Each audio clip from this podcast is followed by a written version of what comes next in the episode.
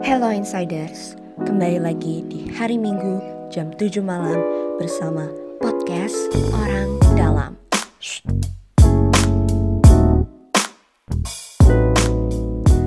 Selamat malam Insiders, kembali lagi dengan gue Nafisa, host kalian di podcast Orang Dalam. Buat yang belum tahu nih, gue mahasiswi Universitas Multimedia Nusantara jurusan jurnalistik. Dan malam ini gue nggak sendirian, gue bakal ditemenin sama sahabat gue dari SMP. Cowok-cowok, mari merapat. Eh, Mari kita sambut Farah Azahra dari Universitas Pajajaran. Wuh. Boleh nih kenalin diri dulu dong kayak nama, jurusannya, single apa enggak?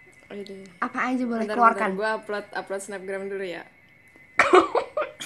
Aduh gue malu banget Far. Ah. apa tadi lo bilang yang dengerin namanya apa insiders? Insiders, Hai Insiders, nama gue Farah Zara Rinaldi. Eh dipanggil Farah, gue mahasiswa semester 5 eh, Fakultas Hukum Universitas Pajajaran. Eh, apalagi nih? Gue lahir di Jakarta 18 Juli tahun 2000, zodiak gue Cancer. Uh, cancer uh. Diam lah Lea. Oke, kita mulai masuk ke pembahasan pertama. Nah, sekarang kan Farah nih di Unpad ya. Nah, apa sih alasan dibalik pemilihan kampus Universitas Pajajaran? Kayak apakah itu mimpi lo atau kebetulan aja karena udah less choice gitu, akhirnya masuk Unpad? Apa sih backstory-nya? Silahkan. Aduh. Awalnya sih coba-coba. Kenapa jadi reportase investigasi? ya? Jadi sebenarnya eh, Unpad tuh nggak pernah ada di dalam list gua. Gue udah pernah cerita belum sih sama lo ini? Lupa. Tapi lu lu tahu kan ya? Ya. Unpad tuh nggak pernah ada di dalam list gua, nggak pernah sama sekali masuk list gua. Bahkan gue ngelirik aja tuh ogah. Sama lah kayak gue. Karena gue Iya, gak tau gue tiba-tiba masuk UMN.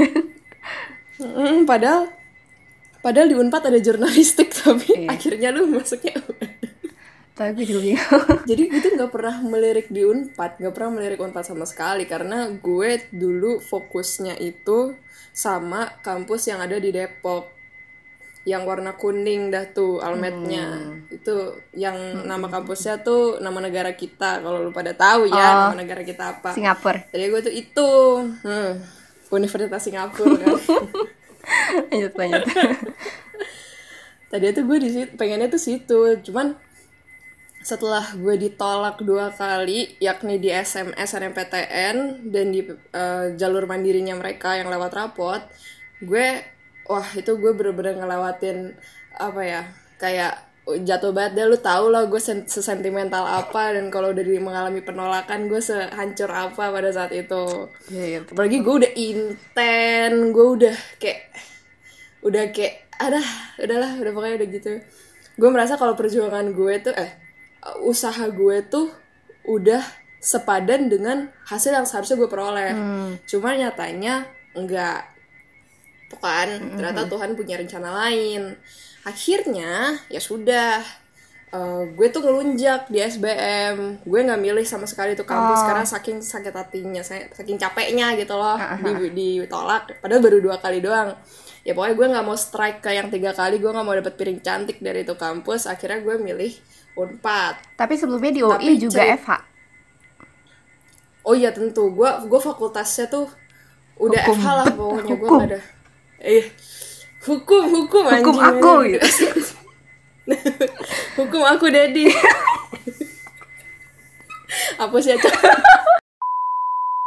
ya udah akhirnya waktu itu gue pengumuman SBM, Hmm. gue keterima di Unpad, gue jingkrak jingkrak, gue senang banget dan ternyata hikmah di balik gue baru tahu hikmahnya setelah gue eh, nge-search tentang Fakultas Hukum Unpad. Apa tuh? Jadi gue tuh nggak gue udah me, nge-frame diri gue sebelum gue masuk universitas ini ini penting ya buat kalian tahu apa yang kalian mau sebelum kalian masuk universitas untuk masuk ke fakultas yang kalian mau itu penting banget buat cari tahu di dalam fakultas itu di dalam jurusan itu kalian bakal mau ke mana mau mau dibawa ke mana kalian itu Harus udah Gue ada pandangan ke depannya gitu ya.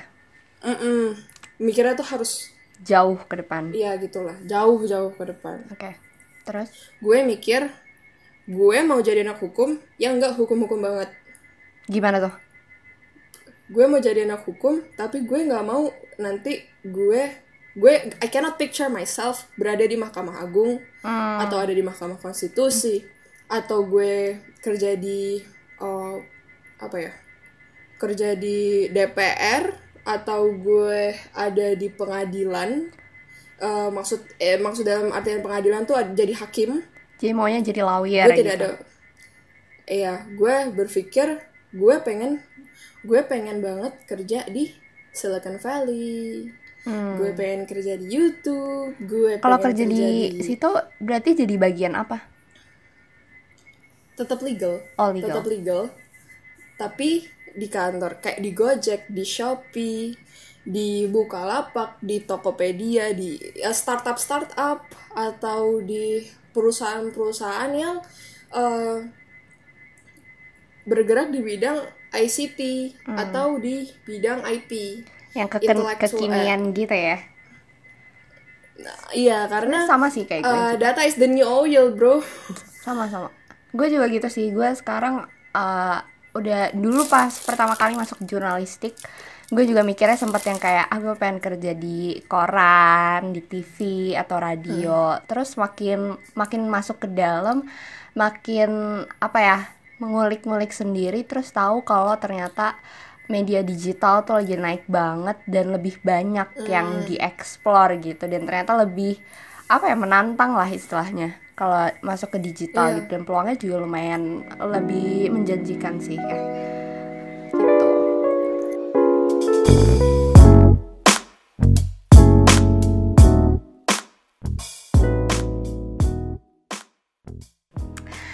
kembali lagi dengan bintang tamu kita Farah Azahra dari Universitas Pajajaran. Hai Oke, sekarang kita masuk nih, kita mulai masuk pembahasannya ke lebih dalam lagi, yaitu gaya hidup di Unpad. Gimana sih Far? Kayak ada nggak sih culture shock yang lo rasain? Kan tadinya lo anak Jaksel nih, terus lo ke Nangor, lo kuliah di Unpad. Apa sih hal-hal yang kayak ada culture shock atau culture shift gitu? Apa pun itu sebutin aja bro. Silakan spill. paling paling kaget itu karena gue tinggal sendiri kan dulu kan biasa gue diemong sama mama gue Hmm, selalu selalu diemong mama gue duit gue semua itu pasti tinggal nadah tangan udah dikasih enggak sih jarang juga Anjay. dikasih cuman pasti pasti tinggal minta emak gitu loh kalau gue butuh terus makanan semua udah nggak khawatir jadi ATM gue itu ya udah duit jajan duit jajan gue yang udah gue kumpulkan yang buat keperluan gue ke- apaan nggak jelas biasanya kan gitu Terus sekarang gue ditempatkan di suatu tempat terpencil, bukan di Bandung, bukan di Sumedang, Nangor. tapi di tengah-tengah ya di Nangor. Dan di situ gue diharuskan untuk hidup sendiri.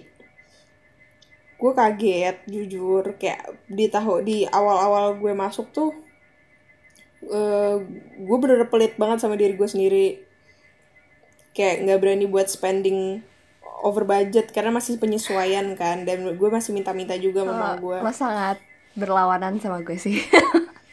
wah gue di dikasihnya tuh boleh nyebut angka gak sih Silakan. Your choice. Ya gue pokoknya dikasihnya less than 2 millions gue dikasih kurang dari 2 juta buat sebulan itu gue struggle banget terus apalagi gaya hidup gue sebenarnya tuh culture shocknya tuh bukan di unpad cang culture shocknya tuh di Tapi di FH-nya Nangor ya. Oh di FH. FH-nya. Kenapa kenapa? karena gue kira ya kan balik lagi gue kira gue kuliah di Bandung gue bakal bisa bahasa Sunda nyatanya tidak teman-teman gue mostly Batak say Silalahi, Hutauruk, Sinambela, ya kan, Kamu tuh pasti Batak gak sih? Tambunan gitu loh, kan kaget ya.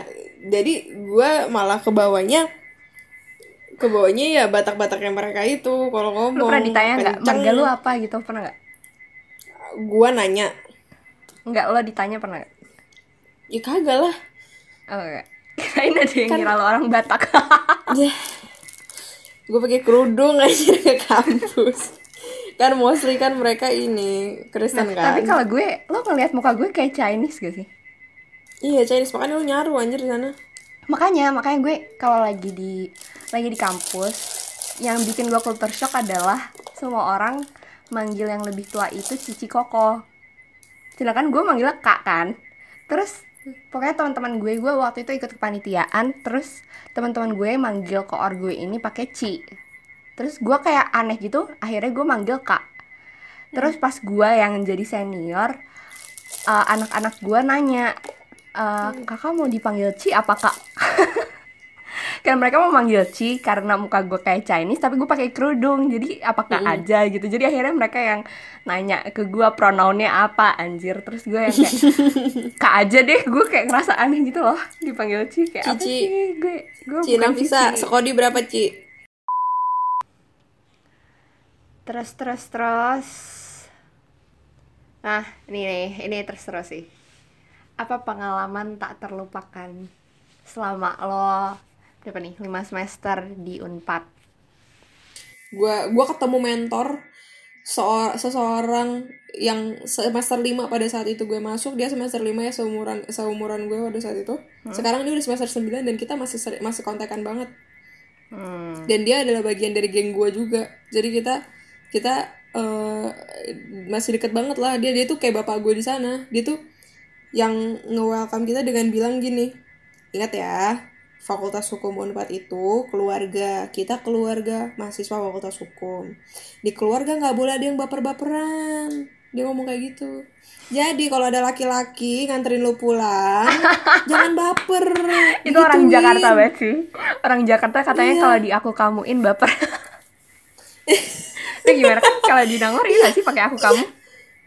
Iya, gue, lu tau, lu harus tahu, lu harus tahu. Gue pertama kali nyampe Unpad ya, Cang. Itu kan buat daftar ulang, apa buat apa buat apa gitu. Pre pre ospek lah, pre ospek. Gue nyampe gerbang itu tuh tem banyak banget yang pakai cadar, yang kerudungnya gamis uhti-uhti gitu. Terus gue ketemu temen gue yang anak SMA 47 juga, gue kan dari 47 Hmm. gue ketemu temen gue tuh yang hukum juga Aura gue mikir eh ya Allah Aura eh Farah anjing gitu dia juga anjing langsung satu sivitas akademika ngeliat kita semua Nafisa. Gue panik banget gue coklat. ini gimana? Mereka yang culture shock gitu gak sih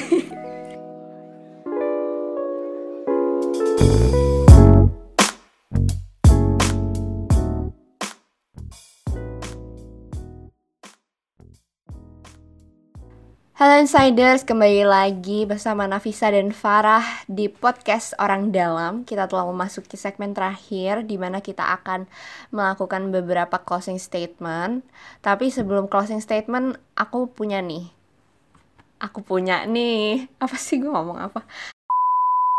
Aku punya pertanyaan nih, gitu maksud gue. aku punya pertanyaan nih buat Farah kan udah lima semester berkuliah di Unpad. Gimana sih cara cara lo untuk survive di Unpad? Pasti kan di setiap kampus tuh punya kompetisi yang berbeda atau mungkin ya seperti yang tadi kita bahas gaya hidup. Nah, gimana supaya caranya Farah ini bisa survive 5 semester di Unpad? nggak overthinking berusaha buat nggak overthinking walaupun pada akhirnya gue overthinking ya maksud gue nggak overthinking tuh nggak terlalu memikirkan konsekuensi-konsekuensi yang akan terjadi kalau misalnya gue mengambil suatu keputusan jangan nih jangan mencari tahu hal-hal yang lo nggak pengen tahu Oh, yang lo nggak siap ngadepinnya itu kayaknya gue mau Kayak misalnya gini. itu deh di hidup gue. Quotes itu. contohnya gini lo punya pacar lo nggak mau lo nggak lo belum siap menerima kenyataan kalau pacar lo ternyata di luar sana selingkuh ya lo jangan jangan cari tahu kecuali Tuhan bakal menunjukkannya ke lo Hmm. Gitu kalau lo belum siap lo lo emang kalau lo tahu pacar lo selingkuh lo siap secara buat tidak- mutusin dia. kalau lo nggak siap gue sadari gue menerapkan itu sih. Iya. Itu itu kayaknya nat natural deh di manusia kayak kalau lo nggak pengen tahu lo nggak usah cari tahu. Oke. Pertanyaan terakhir nggak pertanyaan sih. Ini closing statement juga ya sekalian. Jadi kan kita dari tadi udah ngobrol-ngobrol tentang unpad, tentang pengalaman lo, gaya hidup. Terus kita juga udah nyinggung-nyinggung juga beberapa kata-kata untuk para maba nih yang dengerin. Nah sekarang boleh nih kita simpulkan semuanya dan Farah boleh menyatakan pesan-pesan untuk calon maba maupun maba dari Unpad yang ngedengerin podcast ini. Kira-kira apa sih yang ingin Farah sampaikan? Oke. Ya, gue merasa jadi kayak narasumber. Closing statement gue apa ya? Mungkin gini, kalau di recap dari awal tadi pertama, gue buka hmm. dengan cerita gue masuk Unpad tuh, sebenarnya ke belakang-belakangnya juga, itu gue bener-bener ngerasa gue bener-bener dibantu sama yang di atas semua keputusan atap, atap. gue semua atap ceiling jelas tuh apa? Kan uh, para so, pendengarnya nggak bisa lihat. Coba ya, para pendengar kalian lihat atas kalau ada kalau atas kalian ada pohon coba di pohon itu ada tupai nggak lewat pokoknya gue selalu terbantu sama Tuhan sama Allah. Ya karena hmm. agama gue Islam jadi gue bilangnya gue terbantu sama Allah. Jadi ap, gue nggak peduli apa pun agama lu apa pun keyakinan lu lo harus tetap percaya kalau invisible hand itu akan selalu ada buat menolong lu. Bahkan in your hmm. darkest time in your lowest point akan selalu ada tangan invisible tuh apa sih? Akan selalu ada tangan tak terlihat. bantuan ya. Ya bantuan yang tak terlihat. Entah datang dari mana tiba-tiba bantuin lo lo harus percaya sama itu. Itu buat maba yang mungkin lagi stres sama pergantian pergantian uh, apa ya pergantian iklim dari SMA ke kuliah. Oh, uh, dari sekolah ya kan? Hmm. yang lagi bingung karena gue tahu banget kalau kita di kuliah tuh kita semuanya harus dari sendiri. Kita nggak bisa nggak bisa bergantung sama guru yang akan selalu nge-follow up kita dengan tugas enggak. Kita yang harus uh, ngatur diri ngejar-ngejar dosen. Uh, ngecek hmm. diri sendiri. Percaya kalau invisible hand itu ada. Karena kayak gini deh misalnya nih ini juga bukan berlaku buat kuliah ya tapi buat kehidupan sehari-hari juga. Misalnya cowok-cowok atau kalian para gadis-gadis yang lagi patah hati karena merasa cintanya ditolak sebelah tangan bertepuk sebelah tangan cintanya ditolak-tolak. Gue udah ditolak dua kali sama suatu kampus. Dan pada akhirnya gue sekarang bahagia di tempat di mana gue sekarang berada. Jadi hmm. mungkin Tuhan lo di lo sekarang ditolak-tolak nih sama orang yang lo pengen sama orang yang lo cinta. Tapi Tuhan tuh sebenarnya lagi ngejauhin lo dari sesuatu yang nggak nggak seharusnya lo usah lo perjuangin gitu loh. Betul, sesuatu yang nggak seharusnya lo perjuangin. banget. Oh ya tadi gue tuh mau ngomong ini nih. Ah, ah, ah. gue tadi mau ngomong ini. Gue tuh sama kuliah uh, mengalami beberapa mental breakdown yang bikin gue ngerasa gue udah hit the rockes bottom gitu. Eh apa? Rock bottom mas apa sih? Gimana sih? Rock ya, pokoknya udah hit rock bottom. Ya intinya rock bottom lah gitu yang paling rock bottom. Terus gue tuh sedih banget. Kayak di saat-saat kayak gitu gue nggak tahu caranya bangkit gue nggak tahu gimana caranya gue harus seperti kayak biasa lagi. Tapi gue menyadari satu hal Far. Lu kalau udah di paling bawah the only way is up yes. lu nggak bisa ke bawah lagi lu nggak bisa ke bawah lagi. Jadi kayak the the good thing about hitting the rock bottom is the only way is up sekarang. Tuh. kayak lo cuma bisa bangkit lo nggak bisa makin terpuruk. Woi itu sumpah anjir gue pas nyadarin itu gue merinding semerinding merindingnya kayak gila benar-benar semuanya itu ada hikmahnya gitu loh. Dan akhirnya dari situ gue bangkit karena ya udah the only way is up. Ya lo bangkit lo nggak punya pilihan lain. Dan itu menurut gue berguna banget sih karena pertama kuliah itu berat itu udah pasti. Selain kuliah lo punya masalah lain. Kalau misalnya lo punya pacar lo punya masalah sama pacar. Belum lagi masalah sama keluarga. Terus masalah hmm. hal-hal hmm. lain. Dan kayak itu tuh berat banget. Dan makanya kalau misalnya lo udah hit rock bottom uh, lo harus ingat lo uh, lo masih punya jalan buat ke atas gitu karena jalannya itu cuma ke atas doang yeah. Oke, okay, insiders, kita telah berbincang-bincang dengan Farah Azahra dari Universitas Pajajaran yang seru banget perbincangannya uh, lumayan panjang. Doakan aku ketika aku mengedit. uh, thank you banget buat Farah atas sharing-sharingnya dan juga udah sempetin waktu buat uh, ngepodcast bareng gue. Dan makasih juga buat para insiders yang udah dengerin uh, podcast Orang Dalam episode 1 bersama Farah dari Universitas Pajajaran. Jangan lupa untuk tetap stay tune buat episode selanjutnya. Jangan lupa setiap hari Minggu jam 7 malam cuman di podcast Orang Dalam. Oke, okay. see you.